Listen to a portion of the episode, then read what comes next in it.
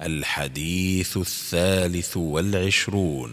عن عبد الله بن عبيد بن عمير أن رجلا قال يا أبا عبد الرحمن أي عبد الله بن عمر رضي الله عنهما ما أراك تستلم إلا هذين الركنين؟